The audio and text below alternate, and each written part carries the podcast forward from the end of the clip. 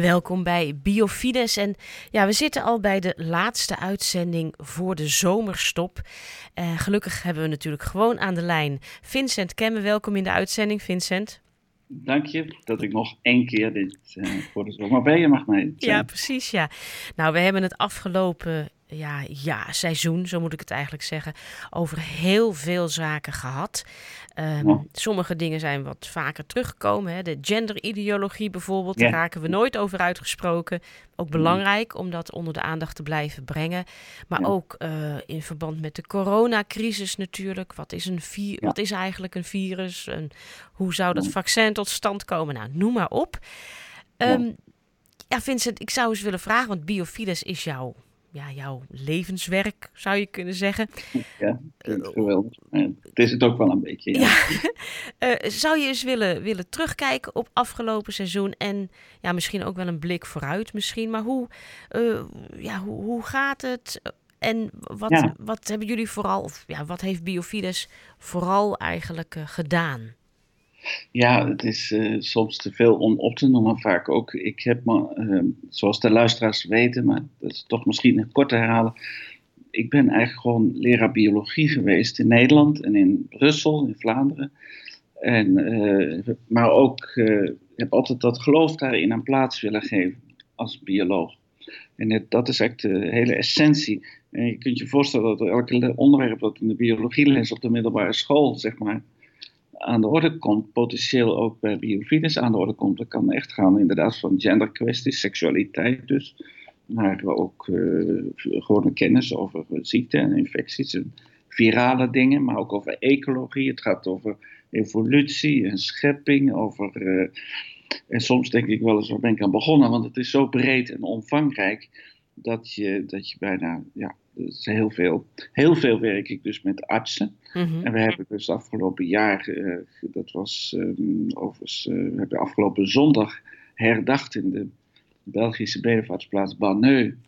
Dat we een jaar, precies een jaar eerder, alle artsen, uh, katholieke artsen van, van de wereld, want de luisteraars weten dat het ook buiten de grenzen van het Nederlands taalgebied is gegroeid. Mm Um, dat, dat we die uitgenodigd hebben, uh, dus 21 juni, een jaar geleden, om zich toe te wijden aan het heilige hart van Jezus. Nou wil het toeval dat ik ook nog lid van de Emmanuel gemeenschap ben en in Parallel gewoond heb en voor de gemeenschap gewerkt heb. Mm -hmm. En dat ik dus een enorme verbondenheid heb met het hart van Jezus.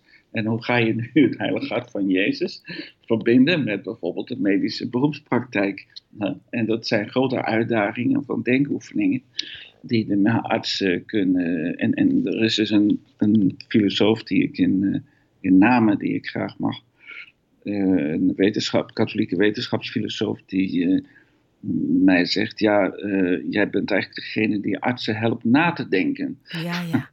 En uh, dat is misschien heel kort samengebracht. Maar ik werk niet alleen met artsen. En, uh, dus wat hebben we het afgelopen jaar gedaan? Het is inderdaad, dat heeft een, belangrijke factor is dat steeds geweest. De, die toewijding van de heilige artsen. Het werken ook aan, de, aan uh, interessante materiaal, denk stoffen, lectuur. Voor katholieke artsen om hun eh, visie op hun geloof en hun beroepspraktijk. En vooral de relatie daartussen te overbruggen. Maar bijvoorbeeld nu heel kort geleden kwam ik uh, in contact met een, een um, apotheker in Antwerpen. Die ook zoekend is om te kijken hoe die zijn geloof en de, en de farmacie met elkaar kan verbinden. Dus ja. hij getuigt over het feit dat hij gewoon ja, in gewetensnood komt. En in feite verplicht wordt om bijvoorbeeld middelen te verstrekken die voor euthanasie bedoeld zijn. Maar ja, dat kan niet. Dus dat zijn grote uitdagingen waar we voor staan. Ik denk dat we kunnen zeggen, daar ben ik zeer eigenlijk wel trots op, dat we het afgelopen tien jaar, om wat verder terug te kijken, in geslaagd zijn om een katholieke artsenvereniging in België, tweetalig, op een goed katholiek spoor hebben kunnen zetten met een goede denkel. En dat gaat verder. Het project waar we nu aan werken is om artsen uh, zover te krijgen ben daarover in contact ook met Nederlandse artsen, laat het even duidelijk zijn. Maar in Nederland is de situatie nog ietsje moeilijker. Om, uh, ja, het is niet moeilijk te vergelijken, maar om uh, huisartsen, katholieke artsen zover te krijgen om alternatieven voor anticonceptie aan te bieden. In ja.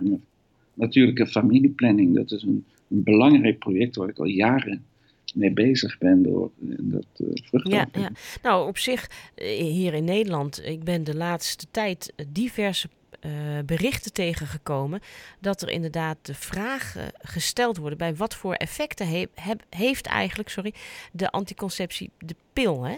Dus er is wel misschien meer openheid voor. Ja, inderdaad. Het is, ik vergelijk het altijd een beetje met de sigarettenindustrie. Men rookte decennia lang als ketellappers, maar na verloop van tijd komt de mensheid, en daar moet je niet katholiek voor zijn, maar gewoon een biologisch mens voor zijn, daar uh, kom je erachter dat het toch niet zo gezond is. En uit, uiteindelijk worden die sigarettenfabrieken zelfs juridisch vervolgd en aangeklaagd en uh, aansprakelijk gesteld. Mm ik, dat laatste is voor de farmaceutische industrie in zaken contraceptie of anticonceptie, of hormonale anticonceptie moet ik zeggen, nog niet gebeurd. Maar ik zie het er nog van komen, want er is een, awareness, en zeggen de Engelsen, een bepaalde, uh, gewoon uh, onder de mensen, jonge vrouwen, die zeggen, ja maar wacht, ik heb trouwens onlangs op de NOS-website zelfs, of all places, gevonden dat er jonge vrouwen, ik meen dat het op de jongere website van de NOS was, dus zeg daar toch wel zeggen van ja, maar wat is dat? Waarom moet ik daar jaar en jaar uit een, een hormoonpreparaat slikken? Ja, precies, jongens? ja. En, en het is gewoon pure gezondheidsafwegingen. En wij weten, dus ik vermoed dat de westerse mens, en niet alleen in Nederland of België, in Amerika is dat zeker wat verder, denk ik al, uh, steeds meer zich bewust worden van uh, de nefaste werking van, uh, van anticonceptie. Al is het al op bijvoorbeeld het gemoed van de vrouw. Ja, precies. De psychische eigenlijk effecten ervan. Ja, maar, ja. Als ik nog iets plastischer mag zijn, ook het libido. En dus daar zijn, ja, ik moet er ervaring mee hebben om het te weten. Ik heb natuurlijk daar geen ervaring mee. Maar toen, ik, toen ik mijn vrouw leerde kennen, wij nog niet zo heel katholiek waren, toen, uh, toen vond ik het ook altijd uh, zo raar. Ik was wel bioloog, maar agnost. Ik was niet gelovig op dat moment eigenlijk. Maar ik vond het eigenlijk zo vreemd. Waarom moet mijn vriendin, als wij zouden willen samenkomen, daarvoor een chemisch preparaat tot zich nemen? Hè? We waren ook een beetje groen, zo tegenstrijdig. ja, ja, ja. Maar dat is ook een dossier waar we voortdurend aan werken en waar we ook in uh, hopelijk. Kijk, ik weet van een arts in, uh, verbonden aan de Stichting Medische Ethiek in Nederland dat het in Nederland schijnbaar praktisch onmogelijk is voor een huisarts in een groepspraktijk om bijvoorbeeld de pil niet voor te schrijven. Dat, uh, dat, dat, is blijkbaar een onmogelijkheid. Ik moet dat nog eens verifiëren. Maar dat, dat is een hele moeilijke zaak. Ja, ja. Maar goed, je, je, tijden kunnen veranderen. Absoluut. Ja. ja, Dus dat, is, eh, dat is, blijft altijd een, een, groot punt. Maar een ander ding wat ik misschien wel leuk vind om te vertellen. We hebben dus een jaar geleden tien jaar Biofides gevierd. Uh, en dat is, uh, dat alweer ruim een jaar geleden. En we zijn bezig met de voorbereiding van een tweede symposium. Want de grondintuïtie van Biofides is en blijft de confrontatie van de biologische wetenschap met het geloof. Mm En uh, daarvoor hebben we dus tien jaar geleden, uh, of, uh, of, een jaar, ruim een jaar geleden, tien jaar bestaan met een symposium gevierd in Gent. En we werken nu naar een tweede symposium toe. Ik hoop dat dat in februari van het komende jaar zich zou kunnen realiseren. Want het is ook door de corona-affaire nu wat opgeschoven. En, dat is interessant, want luisteraars weten misschien dat er in Nederland een boek verschenen is uit protestants-christelijke hoek uh, over evolutie en schepping. En dat is dus ook mijn thema. Het boek heet Oer. En een van de auteurs uh, heeft toegezegd ook bij mijn symposium te komen spreken. Dat is een, een professor aan de VU van Amsterdam.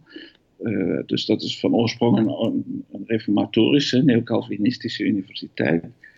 En, uh, maar die heeft, uh, Gijsbert van der Brink heet die, en die heeft zich gewaagd als rechtgeaarde protestant, eerder van een wat sterk gereformeerde richting, om toch uh, wat minder al te letterlijk die Bijbel te durven interpreteren, wat meer op te schuiven naar wat ik zou noemen de katholieke visie mm -hmm. op het op dit grote thema.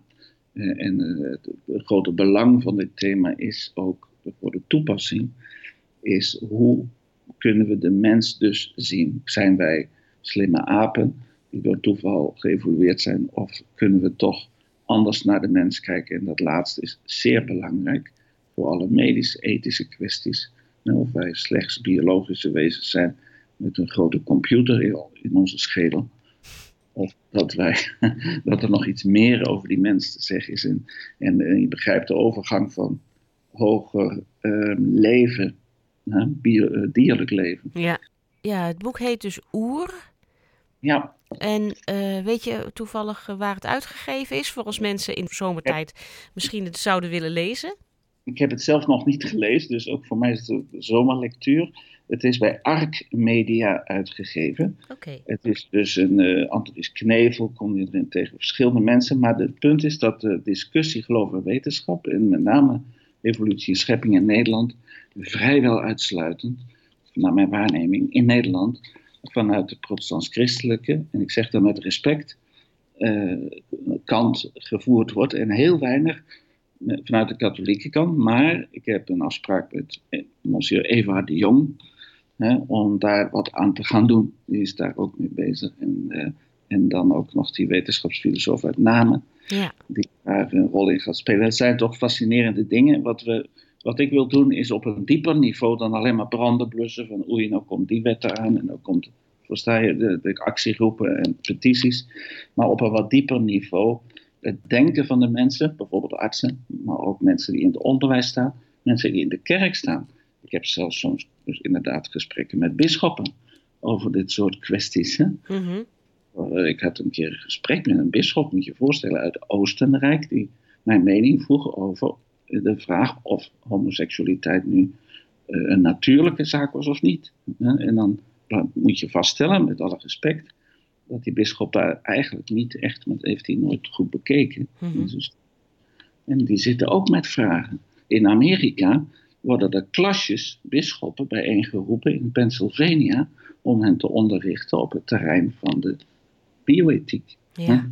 Dat ze dat niet per se allemaal, een, een Belgische bisschop persoonlijk gezegd, ik weet er niks van zeg me hoe ik dat moet zien. Ja, ja, ja, ja. Dus op Dus die manier dat is- mogen we natuurlijk bijdragen inderdaad aan... eh, Ja, er is dus heel veel te doen op alle niveaus. Er is ook, dus, eh, radio is natuurlijk een, ook een kanaal waarlangs je hopelijk een groter publiek kunt bereiken. En, en eh, het idee is steeds om ons geloven en denken, ook in een tijd van wetenschappelijke technologie en medische mogelijkheden die geen grenzen kennen en ook geen ethische grenzen respecteren, om het denken de goede kant op te buigen. Want dan kom je. Het is, eh, eh, soms is er een polarisatie, als het ware, tussen mensen die braaf wees gegroeten bidden. en allemaal eh, zeer devote katholieken zijn, maar die niet echt dat gesprek met die wereld kunnen aangaan. door gebrek aan kennis. En omgekeerd, die wereld. Die denkt dat wij een stelletje zotten zijn. die alleen maar achter Mariabeelden aanhollen. ja, en je? ziet Maak hoe... ik karikatuur, hè? Maar je begrijpt wel wat ik bedoel. Ja, ja, ja, je ziet ook hoe nodig het is om eh, wel aanwezig te zijn, ook in het maatschappelijk debat. Toevallig hebben de Amerikaanse bisschoppen daartoe opgeroepen, want in Amerika is er blijkbaar de week van de godsdienstvrijheid nu. Ja. Eh, en ze geven ook aan van ja, het, het staat echt zo onder druk dat eh, we moeten echt zorgen dat we onze stem blijven laten horen. Alleen maar Ja. om uit te leggen. Anders dan, ja, dan ben je op een gegeven moment zo wereldvreemd. En dan, nou ja, met een naar woord word je gewoon uitge... Uitgelachen. ja. Ja, precies. Zelfs Augustinus heeft er al voor gewaarschuwd in de vierde of vijfde eeuw van laat je, zeg geen dwaze dingen, want de mensen lach je uit. En zij hebben gelijk, als je niet uitkijkt. Ja, ja, Hier ja. heb ik- het is eh, feest van Sint-Jan en ik zit eh, in de abdij van mijn Precies, de klokken beginnen te En luiden. De klokken beginnen hier voluit te luiden, drie tonen. Dus, Nou, we zijn ook aan het einde van het programma, eh, Vincent. Dus Ik, ehm, ja, ik zou willen zeggen heel veel dank voor het afgelopen seizoen. In de zomer gaan we uitzendingen herhalen tijdens dus de zomerprogrammering in juli en augustus. En ik neem aan dat we gewoon in september de draad weer oppakken. Oké. En dan verder gaan met eh, al deze interessante en belangrijke onderwerpen.